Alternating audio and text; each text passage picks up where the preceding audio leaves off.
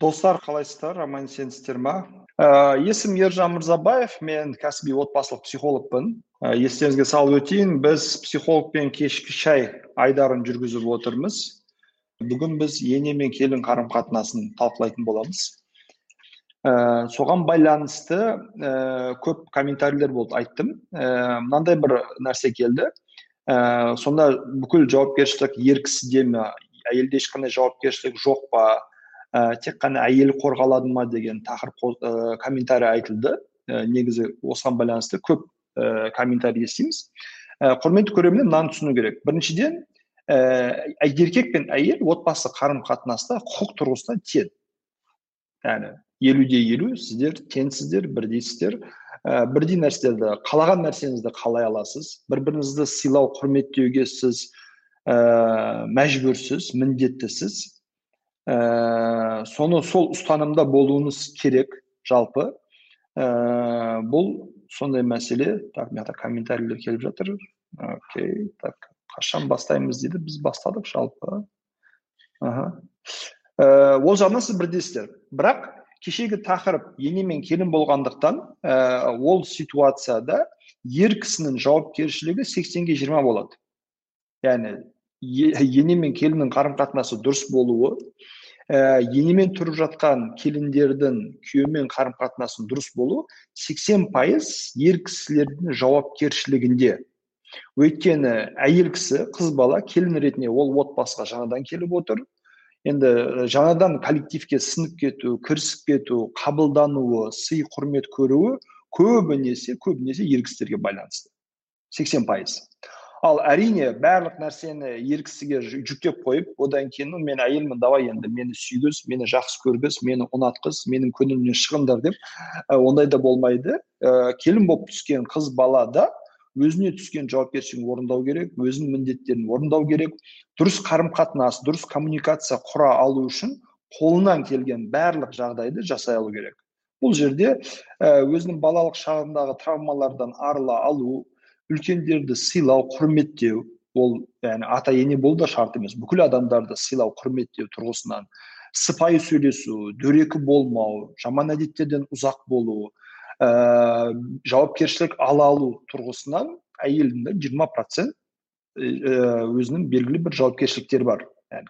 ал наоборот болатын болса мысалға ә, күйеумен күйеумен келіннің яғни қыздың әке шешесінің арасында қарым қатынас яғни күйеу бала ата ене арасындағы қарым қатынас ә, ол мысалы ол жерде сексенге жиырма әйел жауапты болады. Өйткені ортадағы көпір күйеу бала мен қайын жұрт ортасындағы көпір бұл кім? Әйел.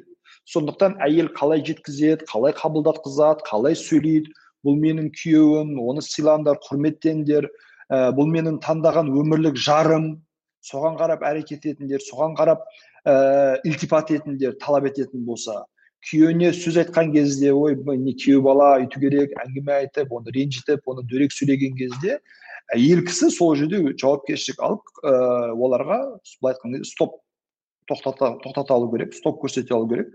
Ә, жоқ бұл менің күйеуім жаман сөз айтпаңдар сыйла, сыйламаушылық көрсетпеңдер құрметсіздік ешқандай құрметсіздік мен шыдамаймын деп өзінің позициясын ұстанымын нақты білдіру керек. Ой менің әке шешем күйеуімді бас салып жамандап жатыр үндемей отыра берейін қазір бір нәрсе айтсам ұят болады ренжиді әке шешем ғой қойшы қоя салайын деп отыратын болсаңыз онда сіз өзіңіздің ә, жауапкершілігіңізді орындамаған болғансыз осы жерде сексенге жиырма әйелдің жауапкершілігі сексен процент болады ер кісінің жиырма процент жауапкершілігі ол бағана әйел кісіге тиесілі нәрселер ә, болады яғни үлкен кісілерге сый құрмет көрсету дұрыс қарым қатынаста болу жиі хабарласып тұру уақыт келген кезде ә, ілтипат ету үйіне келген кезде қонақ ретінде күтіп алу сияқты. Яғни былай айтқан кезде қарапайым этикет бұл. Этикет негізі былай ә, сен міндеттісің сен жауаптысың деп жүктелетін нәрсе емес. Қарапайым әрбір адамның жасау керек нәрселердің базовый минимумдарын жасау бұл жерде ер кісінің жауапкершілігі. Әйтпесе болды мен сенің күйеуімін өзің әке шешеңмен проблемаңды өзің шеш бәрі мені сыйласын жақсы көрсін құрметтесін деп отырып алып талап ету бұл да ә, психологиялық тұрғыдан дұрыс емес. Сондықтан ә, осы моменттерді ескерту керек. Яғни қайын жұртпен қарым қатынаста әрқайсысының сексенде жиырма жауапкершілігі бар. Жалпы ерлі зайыптар арасындағы қарым қатынаста елу де елу сіздер теңсіздер құқылысыздар ал ә, бұл былай айтқан кезде в идеале ғой енді. Идеалдағы картина осылай болу керек. Бірақ өкінішке орай біздің қоғамда біздің қоғамда қазақстандағы қоғамда ә, ә, келіндердің қор болу ситуациялары өте жиі кездеседі. Бұл мен айтып жатқан ә, сөзім емес. Ә, қазақстандағы отбасы институты осыдан қателеспесем бір жыл бұрын бір жарым жыл бұрын үлкен ауқымды зерттеу жүргізген. Сол зерттеу, нәтижесінде қазақстанда ажырасатын отбасылардың жетпіс пайызы жетпіс пайызы ата енелердің араласуы туысқандардың араласуына байланысты болады екен. Және сол жерлерде келіндердің ә, қорлық көруі келіндердің құқықтарының тапталуы келіндердің өкінішке орай адам орнына адам құрлы көрмеуі сыйланбауы жиі кездесетін ә, фактілер жиі кездесетін ситуациялар болып табылады. Сондықтан ә, осы проблема сол жағынан жиі кездесетіндіктен біз кеше көбінесе осы әйел тарапынан келін тарапынан қарастырдық.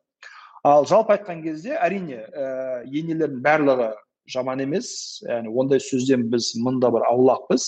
Келіндердің бәрі алтын емес. Яғни тек қана келін болдым деп тек қана әйел болдым деп болды барлық нәрсе кешіріледі. Тек қана сіздікі дұрыс деп ұстағым да дұрыс емес. Адам болғандықтан екі жақта да кемшілік болады екі жақта да қателіктер болады. Ә, біз мына жерде кішкене әйелге көп жүк жүктеп әйелді әр нәрсеге жауапты қылып әйелдерді кінәлай беру келінді қор көру ә, кейстер ситуациялар қоғамда өте өте өте жиі кездескендіктен біз сол әділетсіздікті сол ситуацияны көтеріп қоюды жөн көріп отырмыз. Жақсы? Ә, сұрақ келіп отыр екен көрермендерден. Жарайды ә, бастайық. Ассалаумағалейкум ереке деген сұрақ. Егер сіздің кеңесіңіз шариғатқа қарсы болған жағдайда қайсысын алға қояр едіңіз? Ә, мен қайсысын қояр едім ба? Мен обычно өзім не айтсам соны ұстанамын ал мені тыңдап жатқан кісілер ә, енді әртүрлі ұстанымдағы кісілер бар. Діндар адамдар бар атеист адамдар бар ә, светский адамдар бар коммунист адамдар бар. Мен жалпы аудиториям бәріне ашық есігім бәріне ашық. Мен ешкімді дініне қарай ұлтына қарай ұстанымдарына қарай принциптеріне қарай кінәламаймын. Ә, тек қана жалпы адами құндылықтарға қарама қайшы болмасын қалған ситуациялардың барлықтарына мен негізі диалогқа ашық ә, конструктивный адаммын деп ойлаймын өзімді. Ә, енді мына сұраққа келетін болсақ біріншіден ә, мен қанша эфир жасап жүрмін қанша теледидарға шығып жүрмін қанша адамдармен сөйлесіп жүрмін қанша өзімнің ұстанымдар пікірлерімді ашық түрде любой ситуацияда айтып жүрмін. Бұл танымал блогер болсын бұл танымал психолог болсын бұл тікелей эфирдегі ұлттық арнадағы бағдарламалар болсын. Барлық жерде мен пікірімді ашық айтамын. Ә, құдайға шүкір бүгінге дейін ойларымның пікірлерім бір біріне қарама қайшы келген ситуациялар болған жоқ. Ә, осыған байланысты енді мен дін адамы емеспін. Ә, шариғатты жүзде жүз білемін ә, күшті ә, молдамын имаммын деп айта алмаймын. Бірақ бүгінге байланысты маған ә, ешбір дін адамы ешбір имам ешбір дін адамы ешбір имам сенің айтқан нәрселерін сенің отбасылық психологияға байланысты айтқан ұстанымдарын діннің мына мына принциптеріне қарама қайшы діннің мына аятына қарама қайшы мына хадиске қарама қайшы жалпы ә, айтқан нәрселерің дінде күнә болып табылады деген ә, бір қарсылық естіген жоқпын көрген жоқпын. Егер ол жағынан дін ғалымдары яғни мен бұл жерде ә, профессионалмен профессионал ретінде сөйлескім келеді. Енді мына адамдарды мен көбінесе көп тыңдай бермеймін шыны керек. Мысалға екі діни кітап оқып алады. Сонымен ә, дін саласында бір маман барлық нәрсені білетін шешетін кісі ретінде ә, өзін ұстанатын адамдар бар. Ә, айып етпеңіздер енді мен психология психолог психологияның саласының маманы болғандықтан мен де дін санасы саласының маманымен ә, сөйлескен ә, әңгімелескен керек болса кішкене дискуссия жүргізгенді ұнатамын өйткені маман маманмен тең болады деп ойлаймын ә, оларды маған қарсы білдірген жоқ ә, наоборот наоборот бір екі эфирді мен ә, стористе бөліскен кезде мен танитын бірнеше дін ғалымдары ә, ереке сіздікі дұрыс толық қолдаймыз деген обратный связь алдым поэтому шариғатқа қарсы шыққан кезде қайсысын ұстанасыз ну енді шариғатқа қарсы айтып жатырмын деп ойламаймын ештеңені. Бар болса дін ғалымдары айтсын отырайық сөйлесейік талқылайық. Окей? Ә, мысалға мен ә, осы тақырыпқа байланысты тақырыпқа байланысты ашып кеткеннен кейін ә, өткенде маған досым бір видео жібереді. Ә, білесіздер ватсаптар жиі бөліседі видеолар. Ә, ол жерде бір 30 секунд бір минуттық видео бір минуттық видео. Ә, видеоның авторын айтпай ақ қояйын бірақ ә, картина мынандай видеодағы картина. Бір молда кім екенін танымаймын шынымды айту керек мүмкін авторитетный бір кісі шығар. Ә, бір молда уағыз айтып жатыр сөйтіп уағыз айтып уағыз айтып жатыр алдында жамағат жиналған әңгімелесіп жатыр. Сөйтіп уағыздың темасы қонақжайлық айтып жатқан нәрсесі мынау бұрын қазақтар яғни дін ұстанған кезде деп айтыр деп ойлаймын. Бұрын қазақтар ә, әке ә, туысқандарын жақындарын достарын емін еркін түрде үйге қонақ алып келетін ә, қонақжай болатын қазір болса қазақтар әйелдерінен қорқады ә, үйге қонақ әкеле алмайды ә, қонақтарын барып гостиницаға жатқызады деп ә, қазіргі ну заманауи современный светский ұстанымдарды критиковать етіп жатыр. Ә, және айналып келген кезде блин айналып келген кезде опять әйелді кінәлі қылып жатыр. Мысалы мен отбасы психологы ретінде бұл ұстанымға қарсымын. Досыма да айттым қазір тікелей эфирде де айтып жатырмын. Қарсымын. Біріншіден біз ә, дін болсын психология болсын ұлттық салт дәстүр болсын барлығын заман талабына сай жорамалдай алуымыз керек. Заман талабына сай ұстана алуымыз керек. Заман талабына сай интерпретация жасай алуымыз керек. Әйтпесе бәріміз орта ғасырда қалып кетеміз дамымай қоямыз. Ә, бізде ә, мысалға әкелді. Ол жерде бірнеше маңызды пункт болды да. Біріншісі біріншісі сол молдеке айтатын едім молдеке енді мен енді молда болған үшін имам болған үшін мен сізді әрине сыйлаймын құрметтеймін енді.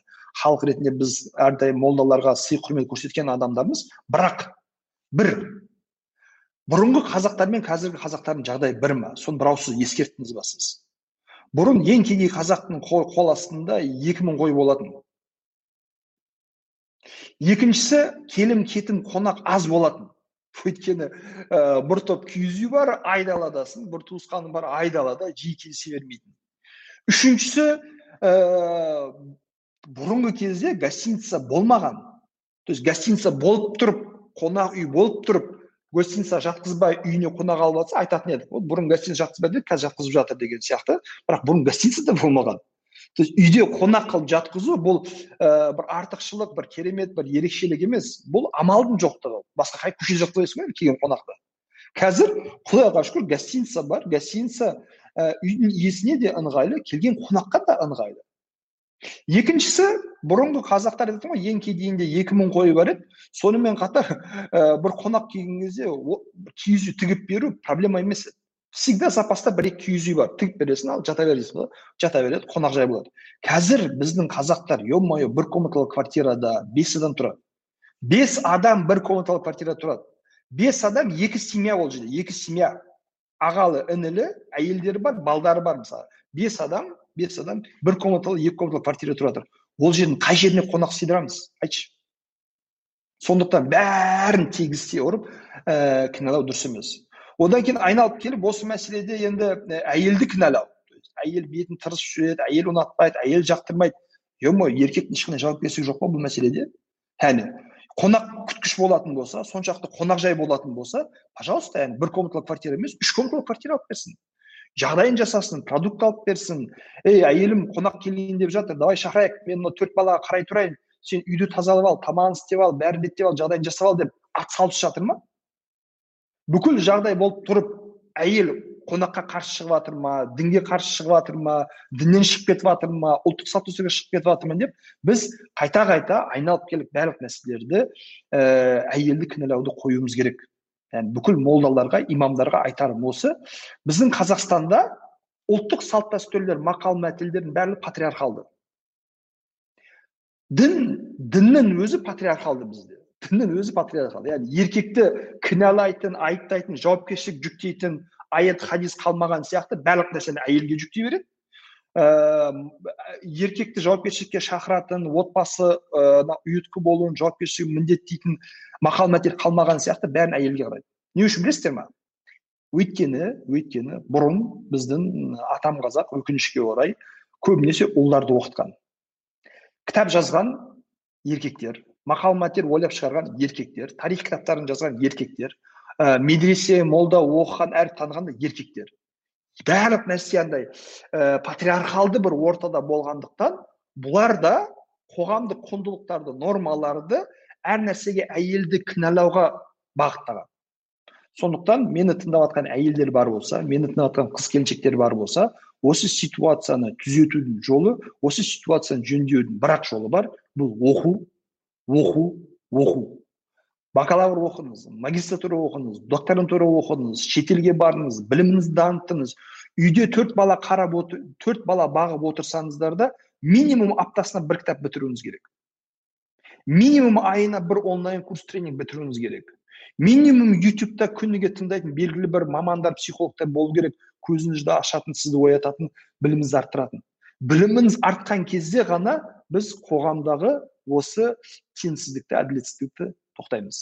Сондықтан шариғатқа қарсы ма деген кезде өзі шариғат не қандай шариғат шариғаттың қай жері екенін нақтылау керек деп ойлаймын. Окей? Ә, так так так так так так так ары қарай кете берейік. В семье зарабатывает муж жена, жена, жена домохозяйка, то есть деньги не зарабатывает.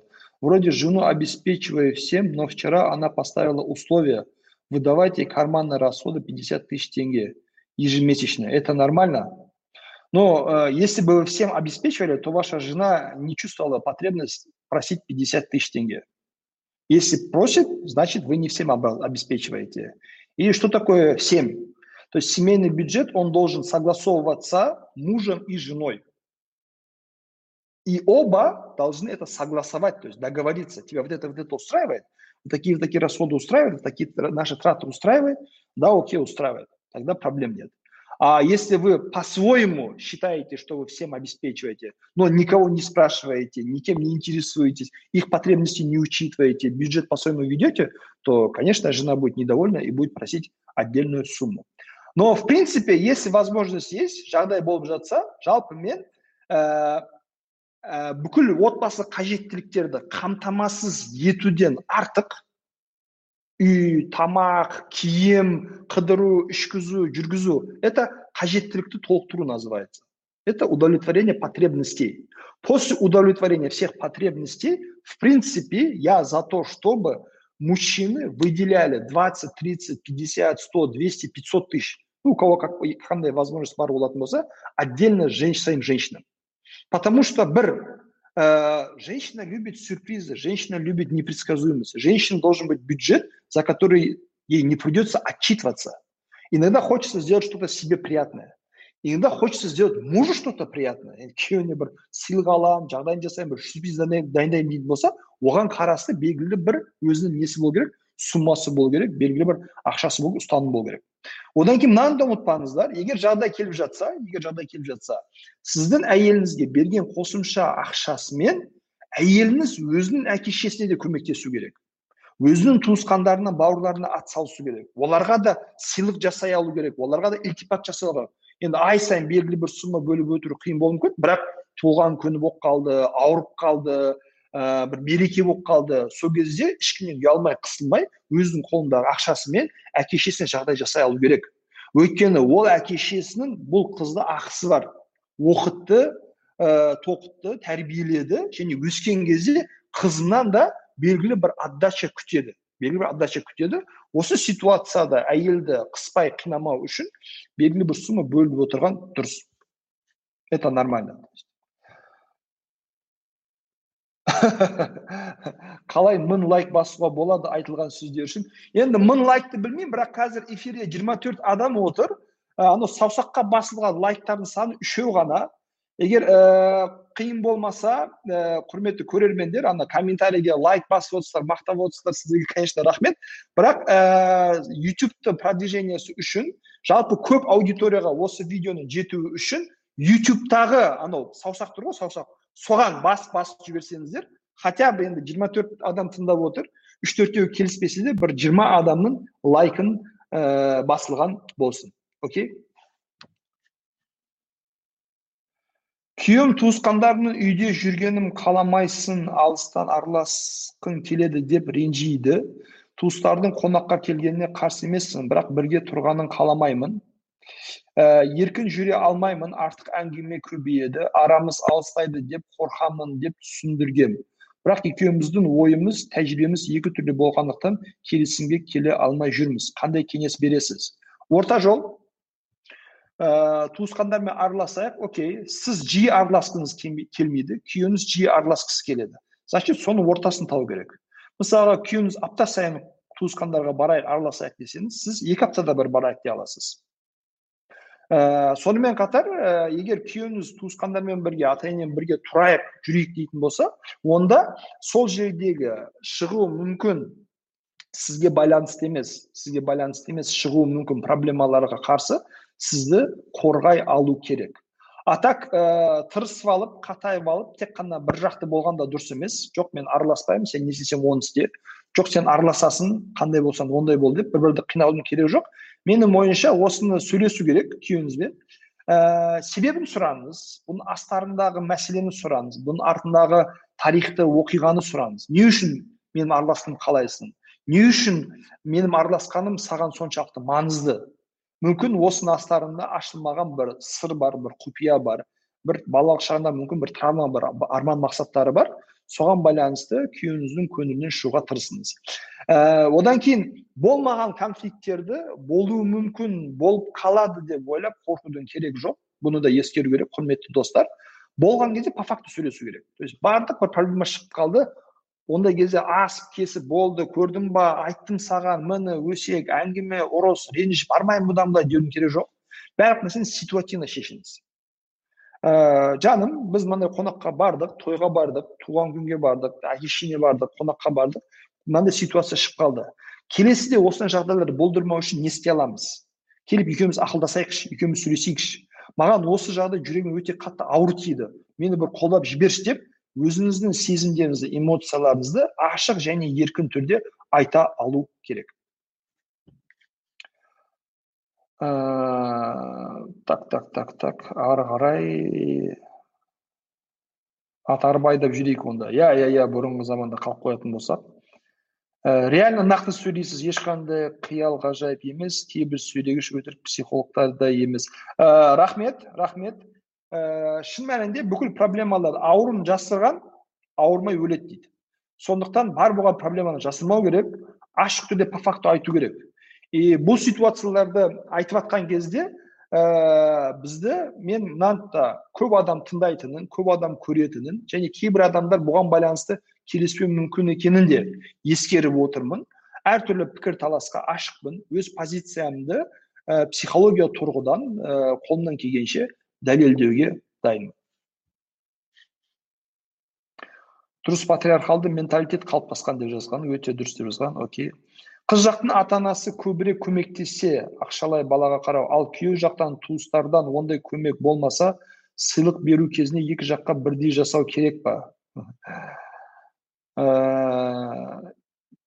үш төрт комментарий подряд бұлардың бәрі бір сұрақ па или бөлек бөлек сұрақтар ма?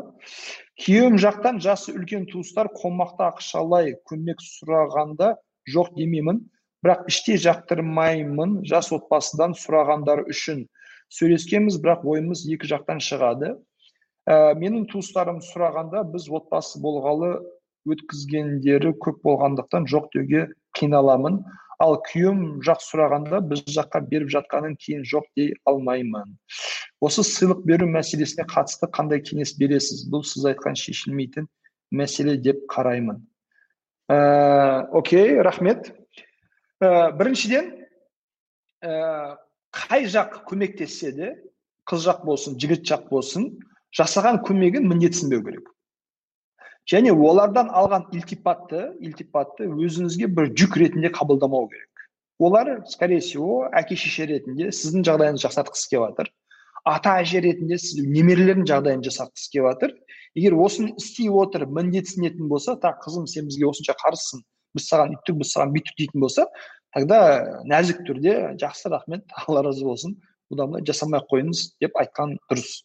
Өйткені міндетсінбеу керек. Ал егер міндетсінбейді бірақ сіз өзіңізге жүк ретінде жауапкершілік ретінде қарыздар сезініп жатсаңыз онда ә, бұл психологиялық ә, бір проблема. Өзіңізбен жұмыс істеңіз ондай ауырлықтан ондай жүктен арылуға тырысыңыз. Екіншісі ә, кейбір кезде иә қыз жақ көп көмектеседі жігіт жақ аз көмектеседі дейді. Ә, менің ойымша санаспау керек. Менің ойымша санаспау керек. Өйткені ә, жігіт жағын көмектеспеуі олардың әке шешелерінің сондай бір ұстанымдарын ұстанымдары болуы бұл ә, күйеудің кінәлі емес яғни жігіттің кінәлі емес. Сіз оның бетіне басқан сайын а ол күшті мен барып ә, әке шешемнің настройкасын өзгертіп тастайын қазір құлақтарын тартып қояйын жақсы әке шеше болсын деп айтпайды айта алмайды өзгерте алмайды да. Поэтому ситуацияны фактіні как есть қабылдаңыз соған қарап амал етіңіз. Ә, жалпы әке шешелердің әке шешелердің үлкен кісілердің жас отбасыға атсалысып көмектесуі өте жақсы өте құптарлық жағдай. Бірақ жас отбасының әке шешеге ақша бөлуі сыйлық беруі әсіресе үлкен мөлшердегі ақшаны ә, таратуы бұл құптарлық жағдай емес. Ә, сіздерден өтініш осының ара жігін дұрыстап айқындап алыңыздар біліп алыңыздар. Бұл жерде екі маңызды фактор бар. Біріншісі ата ене яғни әке шешеміз біздің үлкен кісілер. Бұлар белгілі бір өмірді көрген жастық шағын өткізген белгілі бір жасқа келген тұрақталған кісілер. Как минимум үйі бар как минимум үйі бар. Белгілі бір табысы бар белгілі бір пенсиясы бар. Яғни өмірде былай айтқан кезде көретін нәрсесін көріп қойған адамдар. Ал сіз жас отбасы отбасысыздар енді үйленіп жатсыз енді тұрмыс құрып жатсыз енді отбасы болып жатсыз сіздің қажеттіліктеріңіз көп сіздің затраталарыңыз көп сіздің жауапкершілігіңіз үлкен. Сондықтан үлкендер жас отбасыға көмектесу керек жас отбасы үлкендерге ақшалай көмектеспеу керек. Өздеріне жетпей жатса өздеріне жетпей жатса. Енді әртүрлі жас отбасылар бар бизнесмендер бар кәсіпкерлер бар жақсы қомақты табысты өмір сүретіндер бар.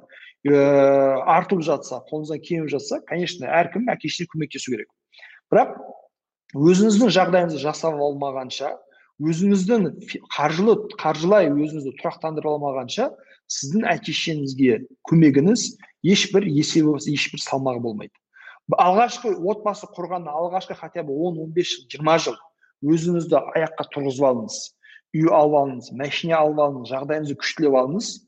Сол кезде сіздің әке шешеңіз жетпіс сексенге келіп қартаяды ә, өздеріне қарауға шамасы келмей қалады және сіздің көмегіңізге қарауыңызға көбірек мұқтаж болады. Қымбат дәрілер қымбат лечениелер қымбат санаторийлер деген сияқты соның барлығын өзіңіз жағдайыңыз жасап болғаннан кейін көмектесе аласыз. Ал сыйлық тұрғысынан екі жаққа не болса да бірдей беру керек. Өйткені ә, әке шешем көмектеспейді деп бала ретінде оларға ілтипат етпеу дұрыс емес. Туылған күндерін тойламау мерекелерін тойламау көңілдерінен алмау дұрыс емес. Өйткені біз ата ананы таңдамаймыз. Біз ата ананы таңдамаймыз. Қандай ата ана болатынымызды таңдай аламыз бірақ ата ана таңдамаймыз. Сондықтан беру жағынан сыйлық құрмет ілтипат жағынан екі жақты бірдей көру керек. Ал олардың келген жақтарын бір бірімізге түсінушілікпен қарап ортақ келісімге келу керек. Ә, так так так так. Ары қарай жалғастырайық. Ә, құрметті көрермендер. Не деген алтын сөздер рахмет. Ә, сәлеметсіз бе? Тақырыпқа сай емес сонда да сұрағым келіп еді. Адам өзін эмоционалды тұрғыдан жетілдіру керек дегенді түсіндіріп бересіз бе? Ә, түсіндіріп берейін өзін эмоционалдық тұрғыдан жетілдіру керек деген сөз эмоционалдық интеллектісін арттыру эмоционалдық интеллектісін дамыту ә, эмоционалдық интеллект дегеніміз ол өзінің және адамдардың эмоцияларын түсіну қабылдау соған қарай әрекет ете алу мысалға қасыңыздағы адам көңілі босап жылап отырса неге жылап жатыр жынды ма жыламасайшы жылаған адаммен не істеу керек екен деп біртүрлі болып тұрмау керек жылаған адамды жұбату керек құшақтау керек сүю керек қолдау көрсету керек мотивация беру керек. Эмоционалды интеллект дамымаған адамдар жылаған адамға біртүрлі қарайды. Күлетін жерде күле алмайды қуанатын жерде неге қуанатқандарын білмейді. Эмоционалды интеллект дамыған адамдар әр адамның көңіл күйіне эмоциясына қарап соған қарап әрекет ете алады. Ә, дамыту мүмкін ба? Мүмкін. Мысалға ғалымдардың зерттеуі бойынша интеллектіні яғни IQ-ді дамыта алмайсыз. То есть сіз егер ақылды болып туылған болсаңыз сіз өмір бойы ақылды боласыз. IQ тесттер соны көрсетеді. Егер кішкене ақылыңыз төмен болатын болса өмір бойы солай боласыз.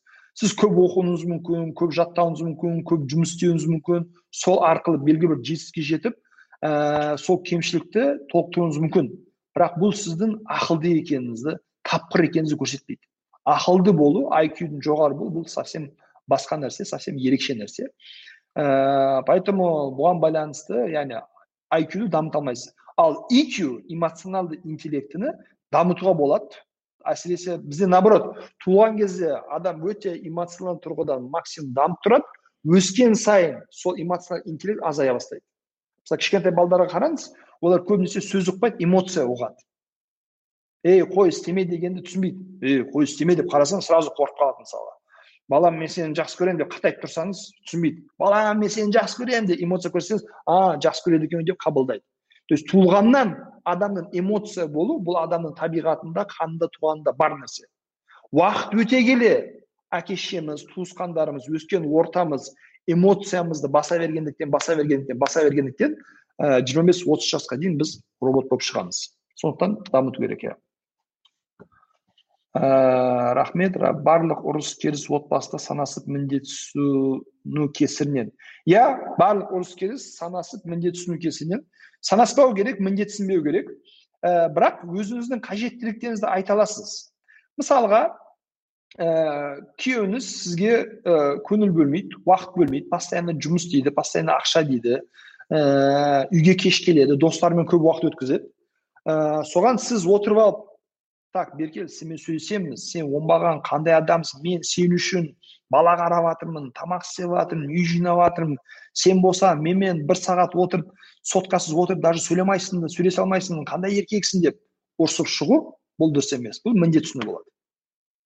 Ал егер осы ситуацияға байланысты күйеуіңізбен отырып сөйлесіп айым күнім жаным ә, мен баламен айналысамын үй үйдің жұмысын істеймін тамақ дайындаймын кір жуамын осыған байланысты көп шаршаймын мен шаршаймын. Сол шаршағанымды кетіру үшін кейде сенімен отырып әңгімелескім келеді уақыт өткізгім келеді. Сенен өтінішім маған осы эмоциялық қажеттілігімді толықтырып берші. Қолдау көрсетші маған уақыт бөлші. Әйтпесе мен өзімді жалғыз сезінемін керек емес сезінемін бағаланбай жатқан сезінемін көрдіңіз ба айыптау жоқ кінәлау жоқ міндетсіну жоқ. Бірақ өз қажеттіліктерімізді өз қалауларымызды айта аламыз жеткізе аламыз түсіндіре аламыз. Бұнда тұрған ештеңе жоқ. Екінші вариантпен сөйлескен кезде күйеуіңіз тарапынан қолдау максимум болады.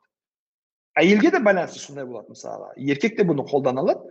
Сіз жұмыс істейсіз ақша табасыз бірақ үйге келіп мысалға әйеліңіз тамақ істемейді үй жинамайды жағдайын жасамайды көңіліңізден шықпайды қабағын түйіп жүреді. Сондай кезде еркек те отырып алып е оңбаған қандай адамсың сен? Мен мына жерде азаннан кешке дейін ишак сияқты жұмыс істеп жатырмын ақша тауып жатырмын сен болсаң бетің өмір тырысып жүреді не деген адамсың деп ұрыссаңыз бұл міндетсіну болады.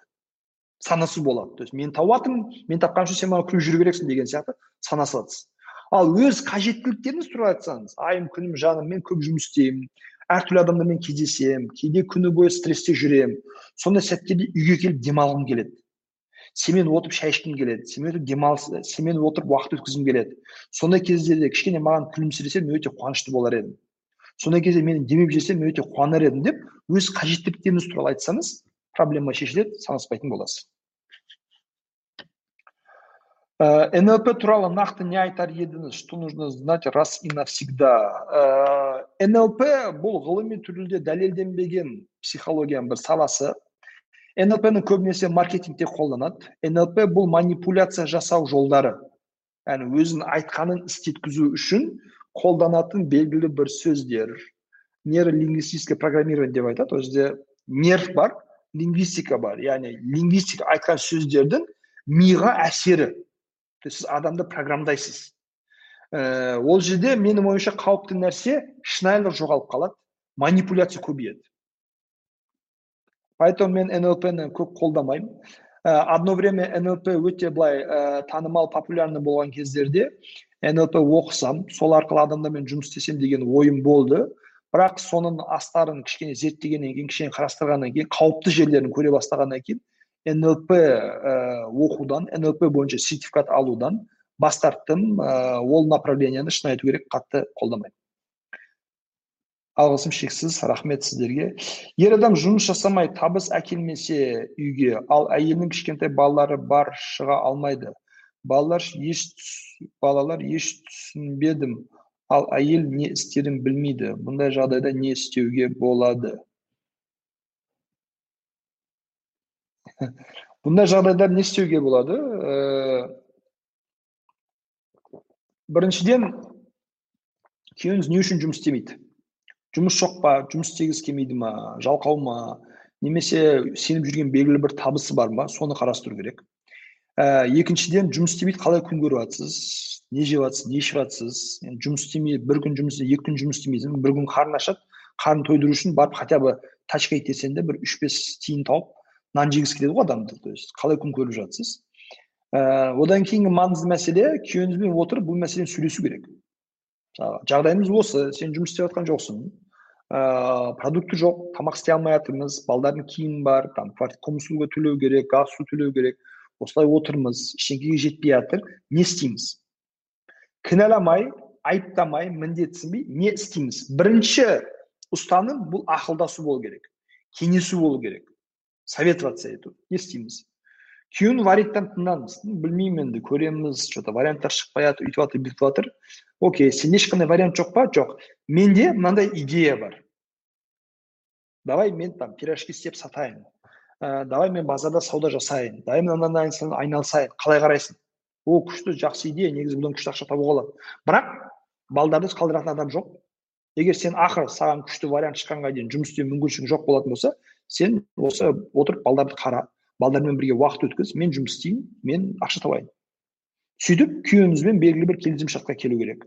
Күйеуіңіз не сіздің жұмыс жасап ақша табуыңызға жағдай жасау керек не өзі кішкене қимылдап әрекет етіп ақша табудың жолын қарастыру керек. Я от олжика дейді. Спасибо. Ә, олжику тоже от меня привет.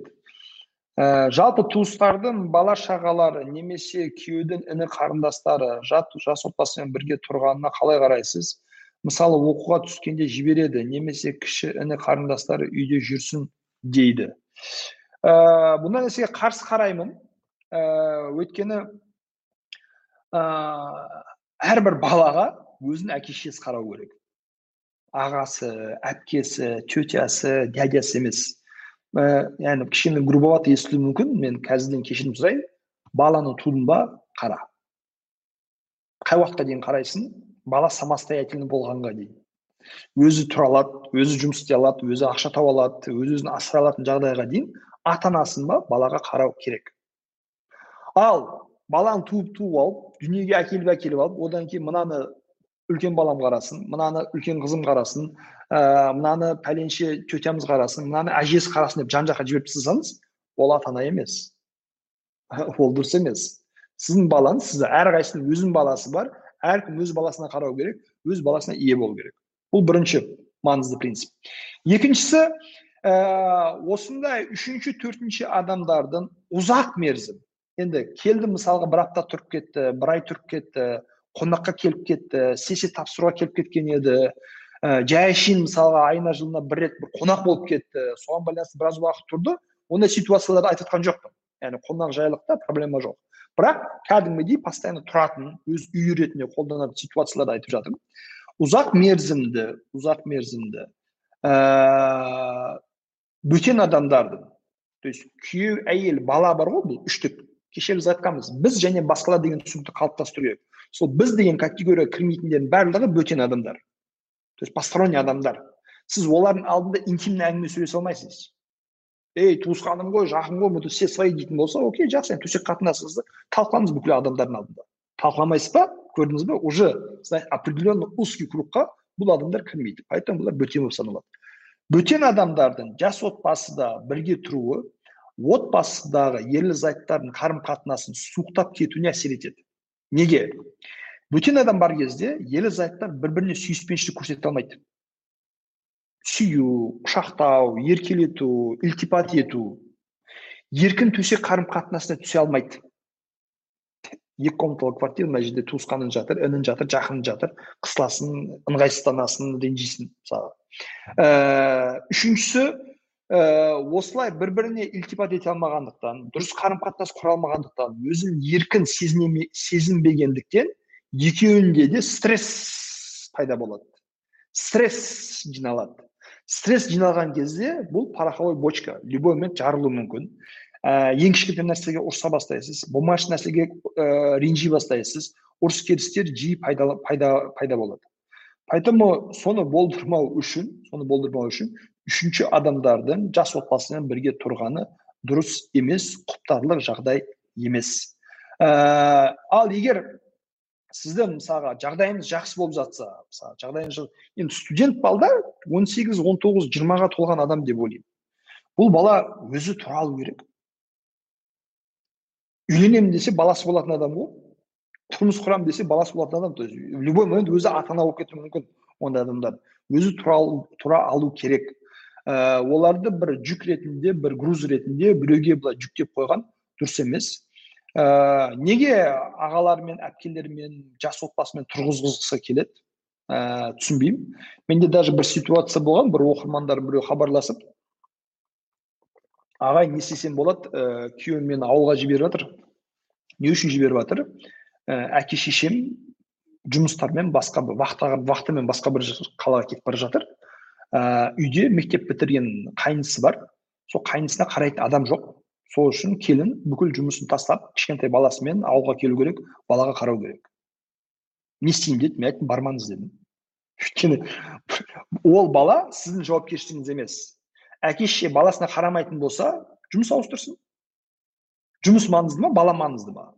Бала маңызды болатын болса тем более екеуі бір жұмысқа кетіп бара жатыр. Хотя бы мамасы үйде отырсын әкесі жұмыс істесін. Әкесі үйде отырсын мамасы жұмыс істесін. Бірақ баланы күшті екен біреуге тапсырып қойып өзің барып ақша істе ел қыдыр жүр жағдайын жаса. Олай болмайды. Бармаңыз дедім. Бармаңыз. Еще андай бір екі күнде емес там бір ай ма екі ай ма қырық бес күнге дейін кетіп бара жатыр екен. Олай болмайды. Олай болмайды. Егер бала тем более бала үлкен уже өзі тұра алады өзі тұра алатынына сенбесеңіз тогда оны басқа біреумен ә, жалғыз қалдырмаңыз. Окей? Поэтому мен бұл нәрсеге қарсымын. Ә, әркімнің өзінің отауы өзінің отбасы бар бөтен адамдар жеке қарым қатынасқа тек қана кері әсер етеді. Поэтому отбасы маңызды ма туысқандық қарым қатынас маңызды ма? Отбасы маңызды. Ал туысқандар сол үшін ренжитін болса ол туысқандардың түсініксіздігі деп қабылдау керек. Қатты оны мән бермеу керек мысалға бір туысқаныңыз келе жатыр ә, тағы бір клиентім тағы бір клиентім қай қалада екенін айтпай ақ қояйын мүмкін бізді көріп жатқан да шығар ыыы өте қонақжай екен сөйтіп надо не надо о там бір двоюродный троюродный ауылда бүкіл туысқандар үйіне алып келе береді алып келе береді алып келе береді әйелі бір үндемейді екі үндемейді үшінші үндемейді төртіншісінде ұрыс керіс скандал шығады сөйтіп күйеуі түсінбейді оны неге дейді қонақ қой енді қонақ қонақ береке еще кішкене діндар адамдар екен қонаққа байланысты аят дейсіз ба хадис дейсіз ба мақал дейсіз ба ұрып ә, енді ұрып деген айтып көндіруге тырысады. Ә, бұл да бұл да айтпақшы мынандай нәрсе бар. Ә, діни және ұлттық манипуляция бар. Діни және ұлттық құндылықтармен манипуляция.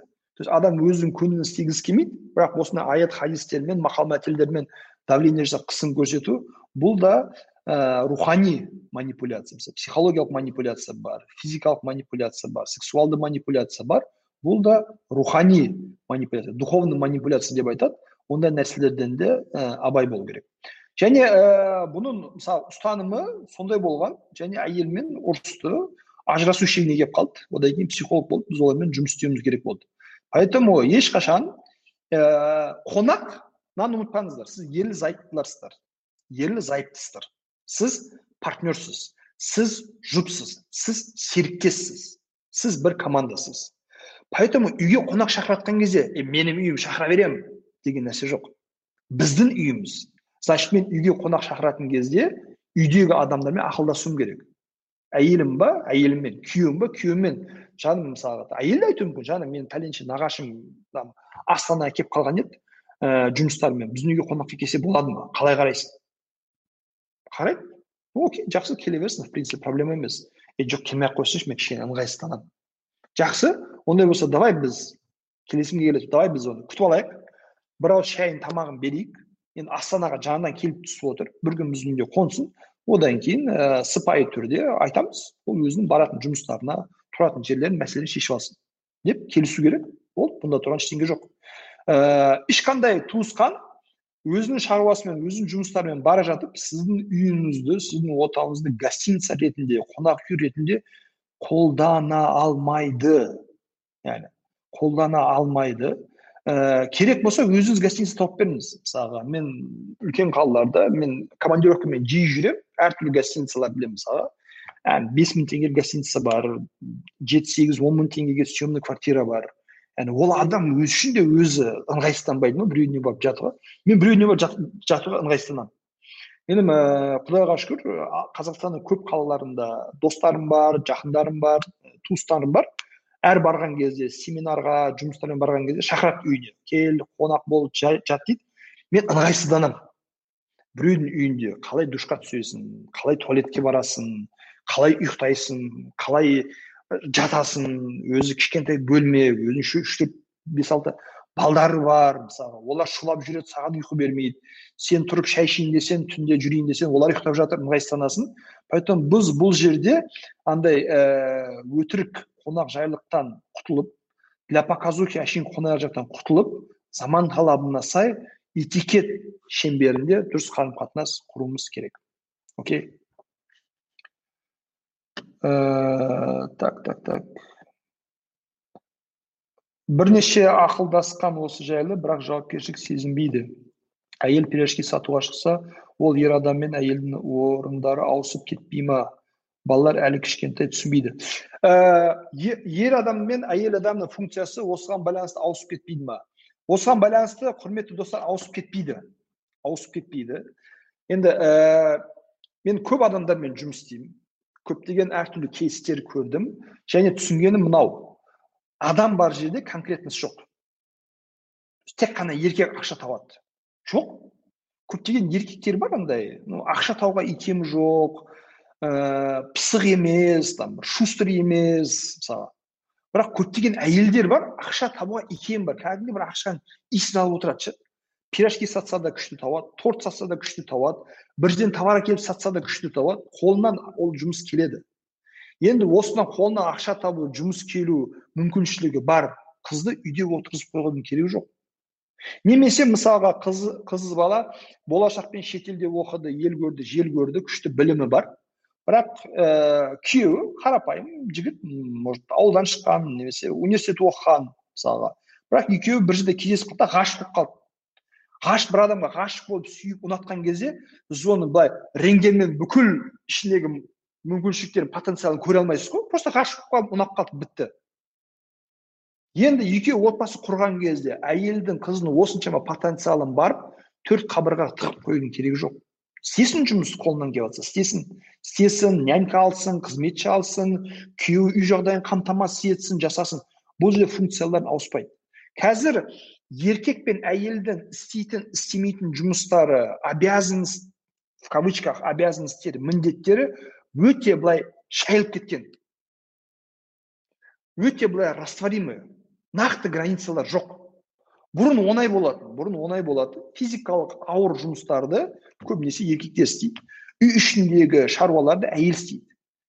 Қазір ондай нәрсе қалған жоқ. Еркектің істеп әйелдің істей алмайтын жұмысы жоқ. Бүкіл салада әйел жұмыс істей алады.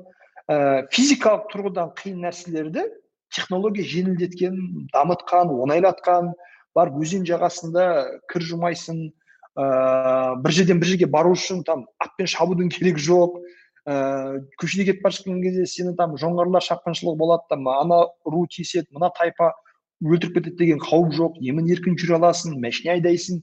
Бизнес бүкіл саланы жасай аласың барлық нәрсе қазір компьютер болып кеткен. Поэтому мынау әйелдікі мынау еркектікі деп біз стереотиптерден құтылуымыз керек. Кейбір ер кісілер бар оларға үйде отырған комфортно. Домохозяйка емес домохозяин болу комфортно. Балдармен күшті қарым қатынас оларды садикке апарады бассейнге апарады тренировканы апа, тренировкаға апарады уақыт бөліп осы жұмыстан кайф алады. Кейбір әйелдер бар ақша табудан кайф алады жұмыс істеуден кайф алады карьерадан кайф алады ең маңыздысы ең маңыздысы екеуінің арасындағы сыйластық және құрмет үзілмеу керек яғни әйел мен ақша жатырмын деп міндетсінетін болса бітті ол жерде күйеу мен неге бала қарап жатырмын деп комплекске түсе кіретін болса бітті ол жерде екеуі келісіп бір біріне уақытылы көңіл бөліп отыратын болса бүкіл проблемаларды шешуге болады ондай рамкілерге түспеу керек ә, иә иә толық келісемін бірақ келісімге келу қиын осы мәселеде қанша түсіндірсем де как же повезло вашей супруге детям чтобы не сгладить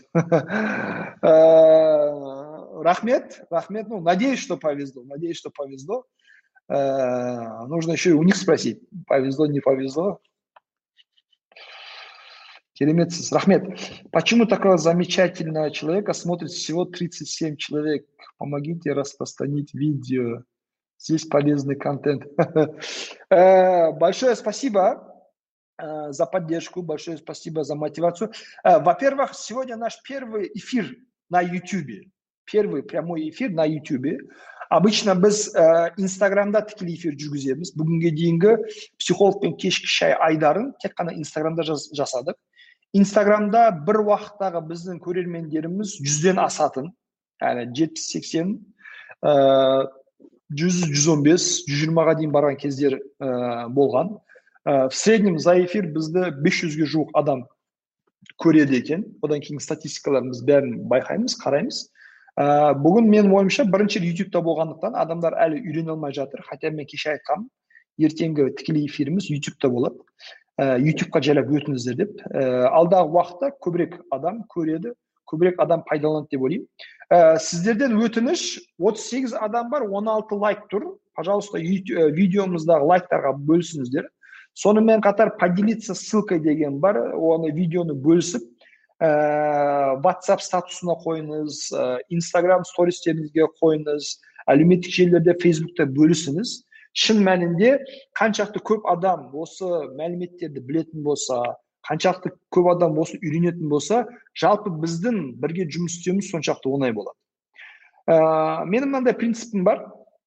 Ә, бір күні осылай достарыммен отырған кезде енді мен ә, тегін тікелей эфирлер жүргізіп жатырмын тегін семинарлар жүргіземін кейбір кезде тегін ә, консультация беремін. Достарым туыстарым да айтқан сөздері іс әрекеттерінде бір қателік байқасам сразу айтамын. Досым ренжіме сенің бірақ мына істегенің дұрыс емес. Досым айып етпе бірақ мына жердегі мына бала тәрбиесіндегі мына ұстаным дұрыс емес деп мен ескертемін айтамын. Сөйтіп бір күн бір досым айтады неғыласың дейді да. Неғыласың дейді. Сенен сұраған саған ақша берген адамдарға айт қалғандар неғыласың дейді. Тегін эфир жүргізіп неғыласың адамдарға былай кеңес беріп ақыл айтып неғыласың деп айтады. Ә, менің ол жердегі ұстаным мынау болады. Ә, досым деймін да қара біз екеуміз доспыз ба? Доспыз значит амал жоқ біздің балдарымыз бір біріне араласады.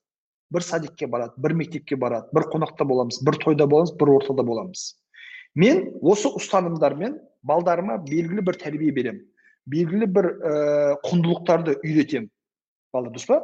Егер сен тура сондай құндылықтарды үйретпесең ладно сондай құндылықтарды үйретпе сол құндылықтарға қарама қайшы нәрсе үйрететін болсаң балам баланы қате тәрбие беретін болсаң дұрыс емес тәрбие беретін болсаң сенің балаң ертең менің баламды бұзады сенің балаң ертең менің баламның қанын ішеді сенің балам ертең менің баламды мазалайды сенің балдарың ертең менің балдарыма өмірді қиындатады поэтому мен тегін деген кезде на самом деле тегін емес осы құнды мәліметпен бөлісу арқылы мен өзімнің балдарымның болашағын реттеп жатырмын ертең менің қызым келін болған кезде осы проблемаларды көрмесін.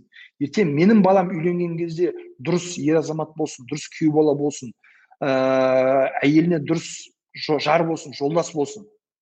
Және олар қоғамға шыққан кезде өмірге шыққан кезде сенің балдарың мен біздің балдарымыз сіздің біздің балдарымыз бір ортада өмір сүреді.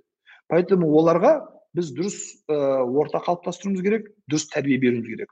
Сондықтан ә, осындай мәліметтерді бөлісу осы ұстаным осы принциптерге байланысты болу керек окей ары қарай ары қарай так так так так так так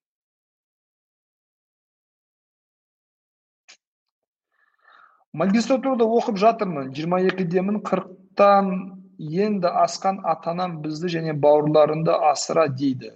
Туысқаным да осы сөзді айтып психологиялық қысым көрсетуде.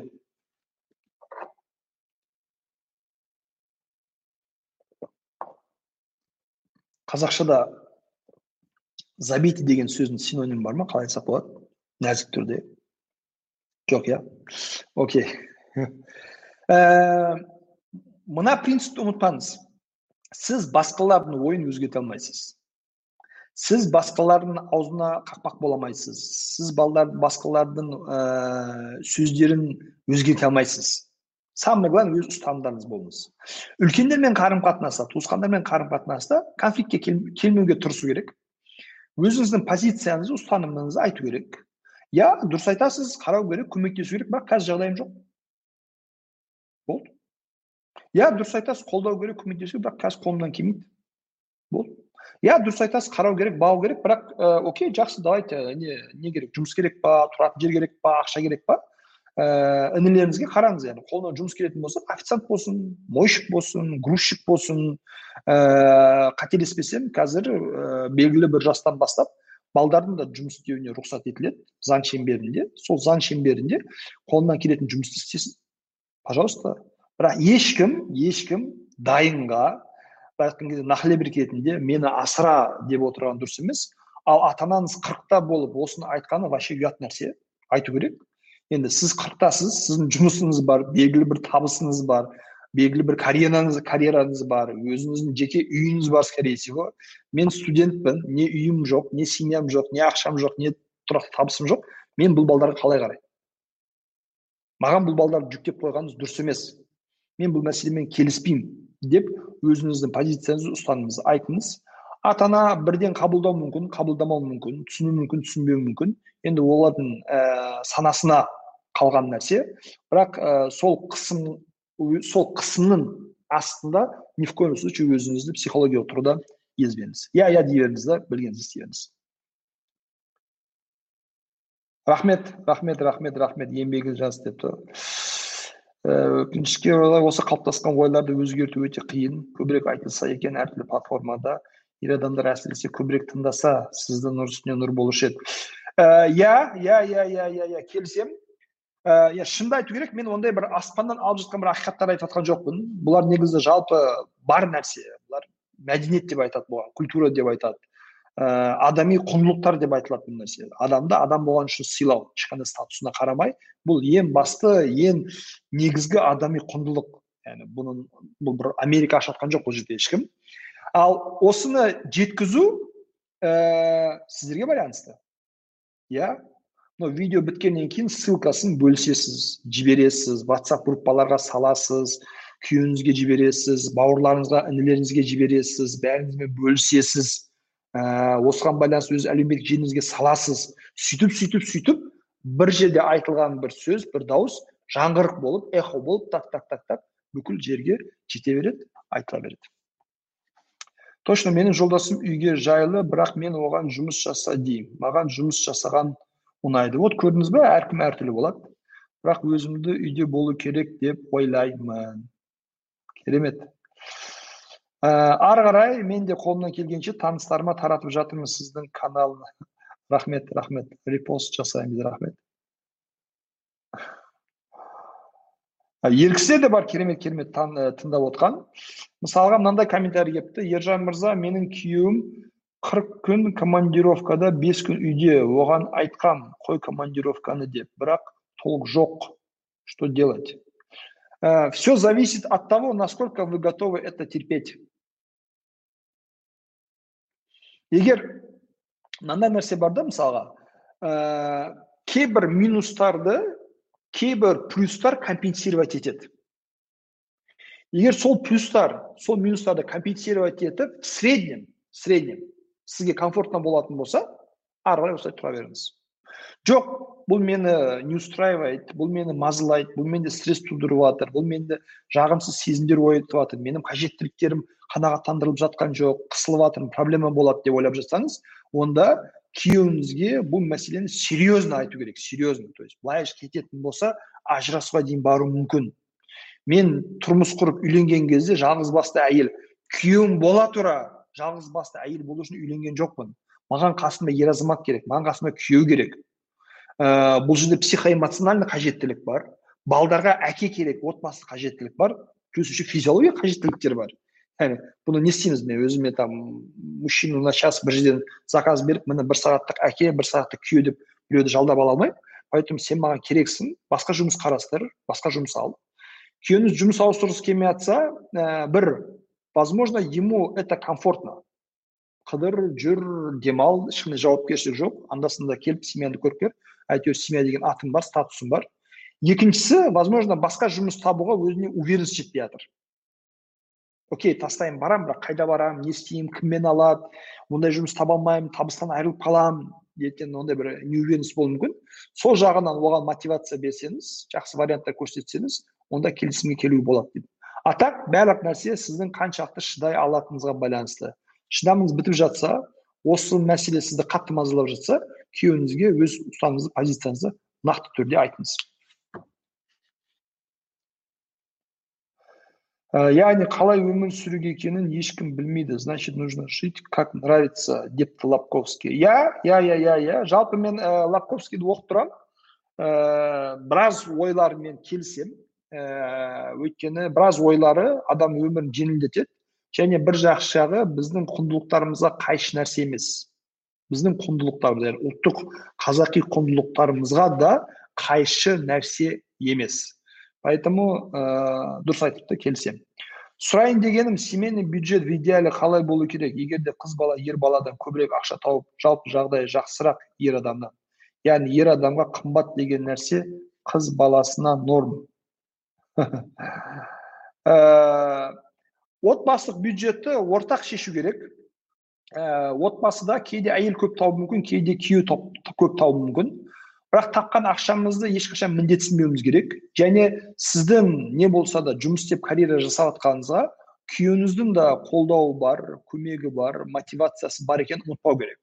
То есть күйеуіңіз постоянно миыңызды ішіп нервіңізге тиіп жұмыс істеме үйде отыр қайда жүрсің миды қатырма деп тиісе беретін болса онда сіз жұмыста да продуктивный бола алмайсыз табысыңыз да ұлғаймайды поэтому осы жерде күйеуіңіздің ақысы бар екенін ескеріңіз ұмытпаңыз. Ортақ келісімге келіп егер күйеуіңіздің тапқан ақшасы жалпы отбасын асырауға жетіп жатса ә, мен всегда әйелім тапқан әйелде қалуын қалаймын қолдаймын. Егер ә, жетпей жатса бірақ сіз көбірек табып жатсаңыз онда табысыңыздың белгілі бір бөлігін отбасылық бюджетке мынау да менің қосқаным мынау да менің атсалысқаным деп бәрін емес белгілі бір бюджетті салып отырсаңыз болады. Ә, бірақ мына айтайын кейбір нәрседі қымбат көру қымбат көрмеу бұл ә, табысқа байланысты емес. Көбінесе бұл жерде кедейлік психологиясы рөл ойнайды. Кейбір адамдар бар ақшасы аз бірақ ішінде байлық психологиясы ұрып тұр. Соңғы тиынына дейін бай сияқты өмір сүргісі келеді. Кейбір адамдар бар табысы нормально ақшасы жетеді вроде бірақ кедейлік психологиясы болғандықтан өзіне материалды тұрғыда белгілі бір еркіндік бере алмайды. Рахмет рахмет рахмет. Адекватный қосып қалыппыз ата енемен тұрғанда қандай принциптарды ұстану керек? Ә, бұған байланысты біздің кеше шыққан тікелей эфиріміз бар. Сол жерде ә, мен сұрақтарға жауап берген жоқ көбінесе өзім сөйлестім. Және сол принциптерді ұстанған жөн конфликттердің алдын алуға байланысты. Әйел сұрап жатыр екен. Ә, бұл жерде күйеуіңіздің рөлі өте маңызды. Өйткені ене мен келін қарым қатынасының түзу болуы 80 пайыз еркекке байланысты. Негізі сізді бірнеше күн тыңдап отырып ашуға берілмей ашуына тимей дұрыс сөз сөйлеп дұрыс жауап беру арқылы үлкен проблеманы шеше алуға болады екен. Әрине әрине әрине әрине соны түсіндім. Өте қуаныштымын. Сіздің сөзіңізді аффирмация етіп жаттап алу керек. Білмеймін енді көріңіз әйел адам еркелесе жеңеді ашуланса жеңіледі дегенді қалай түсіндіресіз? Ә, еркелесе жеңеді ашуланса жеңіледі жоқ. Ондай сөзбен келіспеймін. Әйел ол адам поэтому адам болғаннан кейін ішінде әртүрлі эмоциялар ә, болуы мүмкін. Кейбір кезде көңілді болады ә, кейбір кезде қуанышты болады еркелегісі келеді күйеуінен жақсы бір эмоционалдық қарым қатынасы болады. Ондай кезде еркелесін. Кейбір кезде ашуланады баласына ашуланады күйеуіне ашуланады жұмысына ашуланады ата енесіне ашуланады. Это вполне нормальный нәрсе. Эмоция вполне нормальный нәрсе. Любой эмоцияны қабылдауға болады. Любой эмоцияны қабылдау керек. Поэтому ашуланған кезде жеңілесің десеңіз онда сен адам емессің сен ашуланбау керексің сен ішіңдегі ашу эмоциясын өшіріп таста немесе анау ашу эмоциясын шығарып таста деген бір ә, ойға келеді сөзге келеді. Поэтому бұл жерде ә, ешкімді ондай рамкаларға салмай ә, қайтаға еркелеп жатса ә, еркелеуіне мынандай нәрсе бар да мысалы әйел қай кезде еркелейді? Барлығы жақсы болған кезде. Әйеліңіз еркелеуін қалайсыз ба? Бәрін жақсы қылыңыз. Әсіресе күйеуімен эмоционалды эмоционалды байланысы мықты болған әйелдер көп еркелейді. Әйеліңіз сізге еркелемей жүрсе значит араңызда суықтық бар эмоционалды жақындық жоқ. Соны түзету керек. Қай жерде ашуланады? Енді әйелдің ашулану мүмкін ситуациясы өте көп ә, любой адамдағы сияқты. Бірақ бұл ашуланған кезде ашуыңды бас аузын жап үндеме не деп жатсың деп қарсылық шығармау керек отырып тыңдау керек. Өйткені сіздер опять таки партнерсыздар жолдассыздар біреудің көңіл күйі болмаған кезде екіншісі соған не істеу керек көмектесу керек. Ашуланғаны үшін балағаттап ұрыспай ашуланудың себебін анықтап соны шешуге тырысу керек. Айым күнім жаным не болып қалды? Мазам болмай жүр ғой. Бір нәрсеге ашулы сияқтысың. Давай кел сөйлесейік. Менен қандай көмек керек деңіз? Бітті ашу сол жерде тарап кетеді. Ә, мынаны ұмытпаңыз. Эмоция бұл контролировать етілмейтін нәрсе. Поведение іс әрекет контролировать етілетін нәрсе. То есть неге ашуланасың? Деп ренжуге болмайды. Ашуланып неге айқайлайсың? Ашуланып неге қол көтересің? Ашуланып неге есік салып тырсылдатасың? Ашуланып неге зат сындырасың? Ашуланып неге боғауыз айтасың? Бұлардың барлығы әрекет. Әрекетті контролировать етуге болады. Ашуды контролировать етуге болмайды. Сіз робот емессіз? То есть робот та оны істей алмайды да.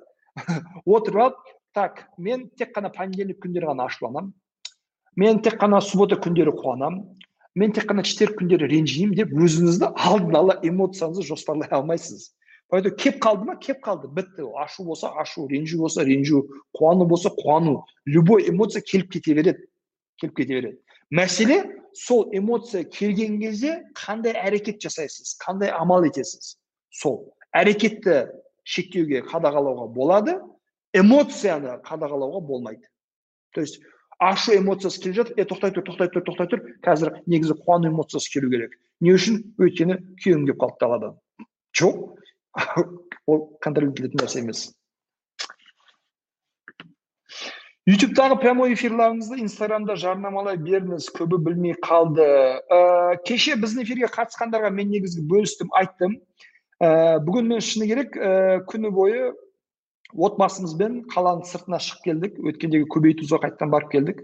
Ұнап қалған екен. Сонымен қатар енеміз келген ә, әйелімнің мамасы келген. Соған астананың ерекшелігі ә, розовый озеро қызғылт ә, көлді көрсетейік көбейтұзға апарайық деп барып қайттық. Күні бойы сеть болған жоқ связь болған жоқ. Кешке бірақ келдік. Поэтому мен күндіз негізі дұрыс айтасыз сториске салып ескертуім керек еді. Ә, ютубтан болатын ә, ұмытылып қалған шығар. Бұйырса ертең оны түзейміз. Жақсы?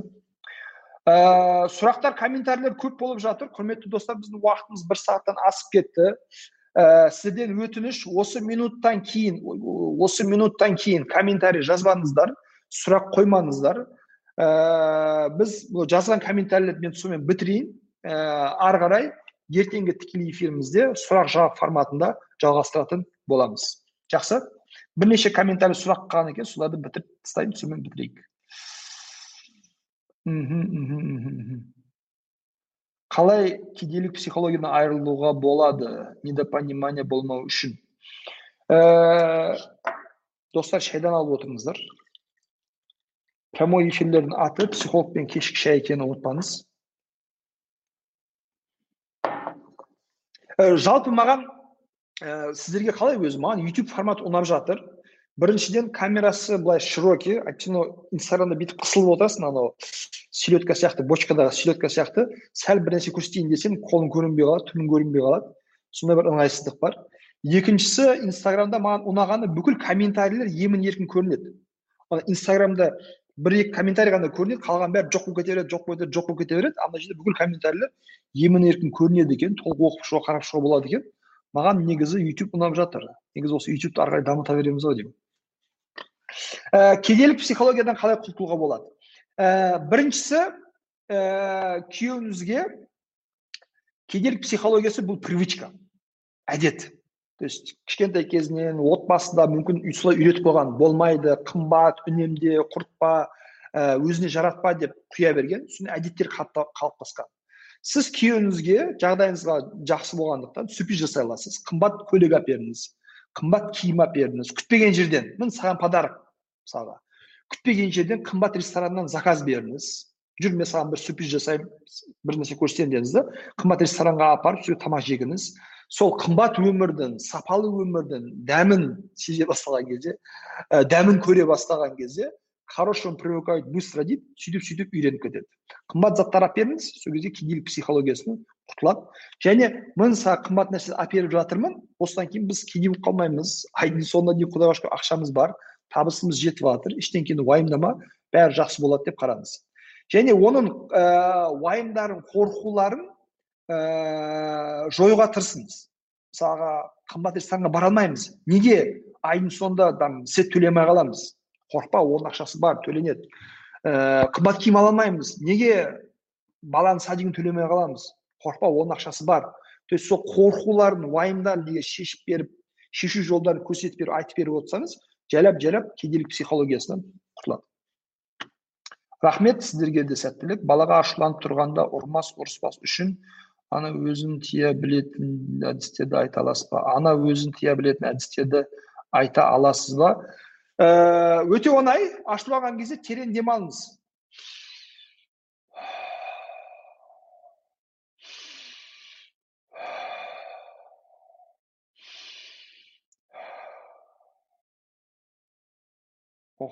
аш өзім жерінде қалдым ақталып қалдым. Ашуланған кезде терең демалыңыз өте оңай және өте әсерлі жаттығу сразу сізді қалпыңызға келтіреді ә, проблемаңызды шешеді. Ашуланған кезде ашуланып тұрып балаға ұру айқайлауға бара жатсыз ғой. Сразу жолыңызды басқа жерге бұрып жіберіңіз да жұмыс істеп кетіңіз. Өйткені ашу бұл өте мықты энергия. Энергия келіп тұрған кезде жұмыс істеу керек әрекет ету керек. Әрекет еткен кезде ашуыңызды шығарып аласыз. Одан кейін барып балаңызға бұрылып балам сенің мына істеген әрекетің дұрыс емес былай жасауға болмайды мына нәрсені істеме деп сөйлесіп түсіндіре аласыз. Үшіншісі балаңызға балаңыздың ә, сізді ашуландырған әрекеті шынымен ашуға толарлық нәрсе ма ашуға толмалық нәрсе ма то есть шынымен ол жерде бала кінәлі ма кінәлі емес па өйткені мынандай ситуация жиі кездеседі менің практикамда. Ә, бала үйде ойнап жүр ойда үйде ойнап жүр. Сөйтіп столдың стакан тұр. Мамасы айтады да балам абайлап жүр стаканды сындырасың дейді иә иә иә дейді да жүре береді балам абайлап жүр стакан сындырасың балам абайлап жүр стакан сындырасың тарс стакан сынды оңбаған иттің баласы берке тарс тұр шапалақ көтен мөтен бет бас кетті бәрі ұрып тастайды мен саған айттым ғой абайлап жүр деп ол жерде сіз кінәлісіз бала абайлап жүре алмайды өйткені ол бала оны түсіну керек бала дисциплинированный бола алмайды бала дрессированный бола алмайды бала робот бола алмайды. Ол жерде балаға бес рет ана жерде стакан тұр абайла деп айтқаннан гөрі бір рет тұрып барып сол стаканды алып тастау керек еді бітті. Просто стаканды алыңыз да баланың ойнап жатқан ортасын қамтамасыз қауіпсіз етуге тырысыңыз. Сол кезде балаға ұрысатын әңгіме болмайды фактор болмайды. Баланы үйде шашуы нормальный нәрсе. Баланың бір бірімен төбелесіп қалуы нормальный нәрсе. Ә, баланың ренжіп қалуы нормальный нәрсе баланың далада көп ойнағысы келуі нормальный нәрсе то есть баланың нормальный әрекеттерін нормальный ретінде қабылдай алсаң қабылдай алуды үйренсеңіз онда проблемалардың сексен пайызын тоқсан пайызын шешесіз раз ашуланбайтын боласыз сәлеметсіз бе менің жасым жиырма екіде күйеуім жиырма үште үйленгелі ақша тауып отбасымызға қажетті нәрсемен қамтамасыз етпеді олимп ойнайды ата анасы көмектес дейді күйеуім менің айлығымды рұқсатсыз алады ойынға. Ә, ну әлі жас екенсіз. Біріншіден олимп зависимость ақшаға беруге болмайды. Сізді ә, манипулировать етіп жатыр қолданып жатыр. Ә, оны алдына сөзіне отырғызыңыз. Осылай жалғасатын болса мен сенімен тұрмаймын деу керек. Мен сенімен тұрмаймын деу керек. Мен бұндай нәрсені шыдамаймын деу керек. Мен бұл нәрсені көтере алмаймын деу керек. Егер мен саған керек болатын болсам давай өзгерейік. Өзгеруіне көмектесе аламын. Ә, осындай ауыр індеттен зависимость бұл да зависимость ойын қойды құтылуға көмектесе аламын әке шешемен проблемаларын шешуінде саған қолдау мотивация бере аламын то есть е проблема сенікі мен кеттім емес то есть біріншіден проблеманы қалай шешеміз кеңесейік ақылдасайық мен сенің қасында болуға дайынмын. Бірақ егер егер сен ештеңе істегің келмесе қадам жасағың келмесе амал еткің келмесе онда сорри мен сенімен уақыт жоғалта алмаймын мен өзіме күйеу таңдадым өзіме жиырма үш жасар бала таңдаған жоқпын артынан жүгіріп жүретін қарайтын ешқандай жауапкершілік жоқ поэтому таңдауыңызда дұрыс болды ма дұрыс емес болды ма бір қарап шыққан жөн деп айтар едім керемет подход рахмет ата анасы білмегендей жүреді бірақ ешкімге айтқан емеспін бұл мәселені ата енеме айтып шешкен дұрыс па күйеуіммен талай сөйлестім ашық ол не үшін ойнайтынын білмей қалады құмар ойыны. Ә, ондай адамдар өз өзін құтқара алмайды өз өзін емдей алмайды. Поэтому күйеуіңізді психологқа көрсетіңіз. Психолог арқылы ғана емделетін нәрсе. Егер өзін емдеуге мұршасы жетпесе шамасы келмесе ешқандай қадам жасамаса тогда ата анасынан біраз сөз ескерту керек. Әлі. И бұны күйеуіңізге айтыңыз. Давай туысқандарға айтатын уақыт келді. Мен айтамын дедіңіз. Потому что сен сам уже не справляешься. Менің сөздерім әсер етпей жатыр. Психологқа барғың келмейді. Тогда ата ата енеге де айту керек? Олардың білсін хабары болсын. Одан кейін шешілмейтін болса енді бағанағы вариант все еще әлі. Ажырасу керек. Балалар есейген өз басында бар болса әйел адам жеке өміріне көңіл бөлуге бола ма? Бізде. Бізде қалыптасқан әйел күйеуін қайтыс болса басқаларға қарамау керек деген. А бұл өте өте өте қате ұстаным. Не то что әйел балдар өсіп тұрмыс құрып қалыптасқаннан кейін емес күйеуіңіз қайтыс болды ма жылын өткізіп ары қарай өз жеке отбасыңызды құрыңыз то есть даже жылын емес яғни. Енді сый құрметтен жылын дейік бірақ психологиялық қажеттілік физиологиялық қажеттілік бір жылға дейін жетпейді. Яғни мен маман ретінде сізге айтып жатырмын. Ә, поэтому баланың өсіп өтуін өнуін күтудің керек жоқ. Сіз жассыз әдемісіз сұлусыз ақылдысыз жеке тұлғасыз қажеттіліктеріңіз бар сізге өмірлік серік керек. Ә, поэтому жылын өткізгеннен кейін сразу жақсы варианттар бар болса кездесу керек танысу керек үйлену керек тұрмыс құру керек өз өміріңізді өзіңіз жасауыңыз керек. Отырып 15 жыл жиырма жыл отыз жыл қырық жыл өзіңіз жертва қылып ә, қайғырудың керегі жоқ. Во первых бұл өтірік қайғыру мен сізге психолог айтайын адам ондай ұзақ уақыт қайғыра алмайды. Ондай ұзақ уақыт қайғыратын болса депрессияға түсіп давно психушкаға түсіп жын болып кетеді мен жиырма жыл бойы қайғырып жүрмін деген адамдар көбінесе өтірік айтады. Жиырма жыл бойы бір эмоцияда болу мүмкін емес просто мен сізге как маман ретінде айтатын окей? Поэтому өте дұрыс өте құптарлық жағдай. Наоборот дәл кешігіп деп айтамын сізге. Сразу сразу үйленіңіз бақытты болыңыз. Эмоцияны жоспарлау туралы күшті айттыңыз рахмет рахмет рахмет рахмет. Ә, бірақ күйеуім жоқ. Жалпы болашақ жарыммен алдын ала ақылдасқым келеді осы мәселелерді. Жалпы үйленбес бұрын осындай сұрақтарды ақылдасып алуына қалай қарайсыз? Ә, өте жақсы қараймын өте жақсы қараймын. Ә, сізді мазалап жүрген бүкіл проблемалар негізгі принцип негізгі тақырыптар отбасы құрмыстан бұрын. Это ә, ата ене туысқандар ақша жұмыс бала тәрбиесі және ұлттық құндылықтар неге байланысты қарым қатынас құрасыз қалай сыйласасыз қалай байланысасыз деген сияқты. Бір біріңізге қалай көңіл бөлесіз? Ә, белгілі бір өмірлік құндылықтарыңыз қандай? Оны қалай түсінесіз мысалға? Ә, эмоцияларды талқылау керек. Мысалға махаббат дегенді қалай түсінесіз? Көп еркектер айтады махаббат деген сөз таңертең тоғыздан алтыға дейін жұмысқа барып келіп кешке үйде отыру деп ойлайды. Мысалға. Вот. А сіз қалай түсінесіз? Мен махаббатты былай түсінемін. То есть махаббат туралы түсінігіңіз сай ма? Жауапкершілікті қалай түсінесіз? Жауапкершілік деген сөз ә, ақша табу жұмыс істеу әйелдің көзіне шөп салмау деп ойлайды мысалға.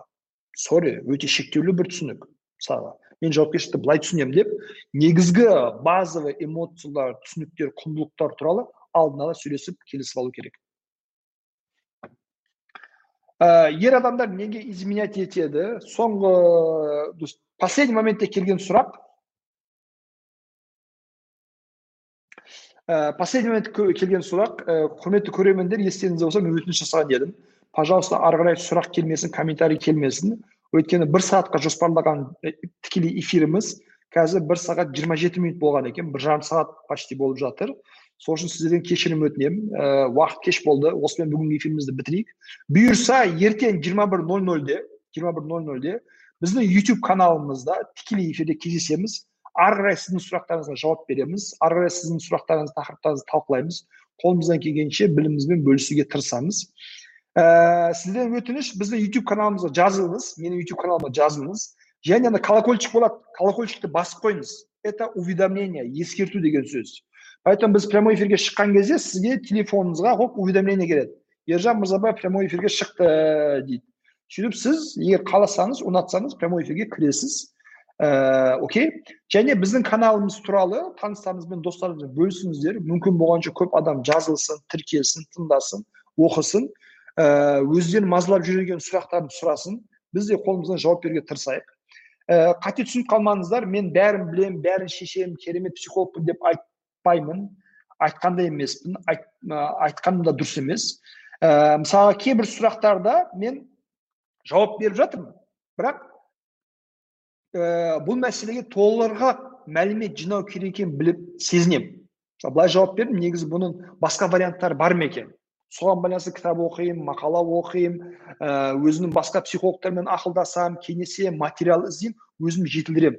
То есть әр сұрағыңызды күшті мен білемін күшті керемет бәрін шешемін деп айтқан жоқпын. Қайтаға сіздің сұрақтарыңыз маған өзімді жетілдіруге дамытуға өте керемет күшті септігін тигізіп жатыр. Ә, білмеген немесе толық білмеген ә, алаңдарымды ары қарай зерттеуге оқуға атсалысып жатсыздар. Сол үшін сіздерге көп рахмет. Сәттілік ауырмаңыздар. Тек қана жақсылықта кездесейік. Барлықтарыңызға қайырлы кеш қайырлы күн. Сау болыңыздар.